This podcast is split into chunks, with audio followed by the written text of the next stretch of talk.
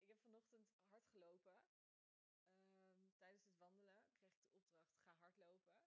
En na een halve minuut riep alles in mij, gadver, ik zweet, eh, ik ben moe, het doet pijn, ik kan dit niet, ik wil dit niet, het lukt niet, laat maar zitten. En ik ben gestopt. Vervolgens vrat ik mezelf op over het feit dat ik gestopt was en ehm, dat ik het dus niet kon. Was aan het mopperen en gefrustreerd en ik, ik kan het niet en weet ik wat allemaal. En toen dacht ik, ja maar wacht even. Door te mopperen word ik er niet beter in. Het levert me echt helemaal niks op. Wat me wel beter gaat maken in hardlopen, wat mijn conditie wel gaat verbeteren, is door nu nog een keer te rennen. En door mijn grenzen op te zoeken en daar net even overheen te gaan. Dat gaat beter maken. Niet zagrijnig zijn en boos zijn op mezelf omdat het niet gelukt is. Gaat me helemaal niet helpen. Dus ik, ik zie steeds vaker mijn patronen hierin. En ik, ik ben daarin aan het veranderen. Ik merk ook, soms is het nodig om uh, hulp in te schakelen. Want ja, er zijn ook wel eens dingen die ik heel erg aan het pushen ben maar die ik eigenlijk gewoon niet zelf moet doen.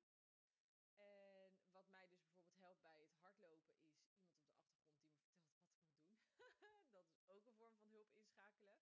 Maar veel vaker is het nodig om door te zetten. En dat kan iemand anders niet voor mij doen. En ook niet voor jou. Um, ik voel het verschil inmiddels wel redelijk. Niet altijd meteen, maar ik voel het verschil. En dat zit hem voornamelijk in het volgende mijn ego heeft eigenlijk twee standen hierin, die ik tot nu toe ontdekt heb in ieder geval. Misschien zijn het er meer. Maar uh, één stand van mijn ego is, je moet dit afmaken, anders ben je een en een sukkel en heb je gefaald. Dat, dat, dat geldt bijvoorbeeld voor uh, mijn website updaten. Of uh, teksten schrijven voor de challenge die volgende week. Of nee, als jij hem luistert, is hij al geweest, denk ik daar teksten voor schrijven. Weet je, dan, daar blijf ik in hangen, dat moet perfect, want anders ben ik een sukkel. En, en heb ik dus gefaald. Dat is op dat moment mijn ego.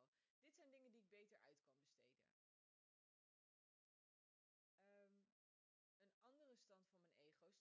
Is: laat maar zitten, ik kan dit niet, ik heb gefaald.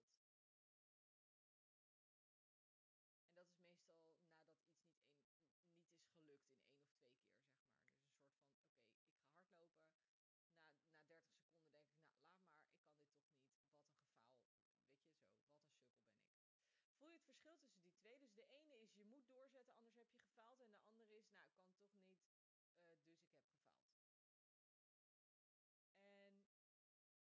En die laatste zijn de dingen die ik gewoon, tussen aanhalingstekens, nog een keertje moet doen. Juist om die weerstand te kweken. Juist om te groeien. En ook om mijn ego te leren. Ik kan het best wel. Alleen gewoon vaak niet in één keer. En het hoeft niet in één keer perfect te zijn of te gaan. Het hoeft überhaupt niet perfect te zijn of te gaan. Just go. En ik besefte dus dat de enige manier om mijn grenzen te verleggen en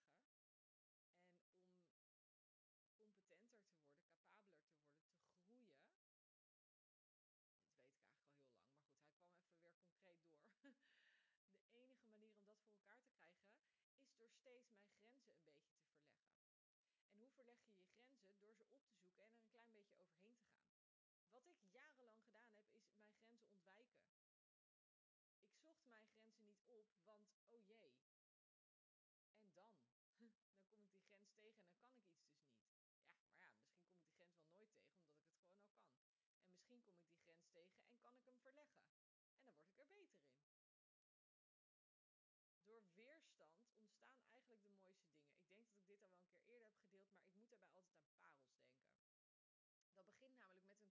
Dat korreltje dat hoort er niet. Dus wat doet die schelp? Die maakt daar een, uh, of de schelp is het eigenlijk niet, het schelpdiertje, ik weet even niet hoe dat heet. Die maakt daar een laagje omheen om zichzelf te beschermen tegen die zandkorrel. Dus eigenlijk is het een soort van, um, het is iets wat er niet hoort. Het is iets wat weerstand oplevert. Maar uiteindelijk is dat dus wel een parel geworden. Omdat hij een bepaald laagje daaromheen heeft gemaakt, zodat, zodat die zandkorrel hem niet kan beschadigen.